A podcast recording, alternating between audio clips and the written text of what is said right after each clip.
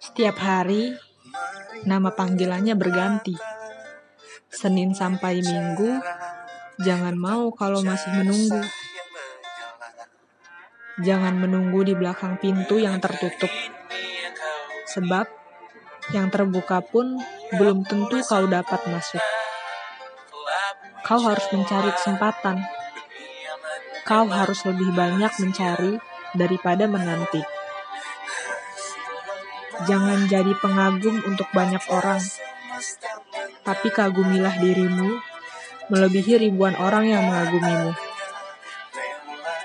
Orang lain menganggapmu hebat, tapi ketika kau melihat dirimu di cermin, bayanganmu bilang bahwa kamu adalah pecundang, penipu banyak orang, dan masih tertuju pada satu orang saja.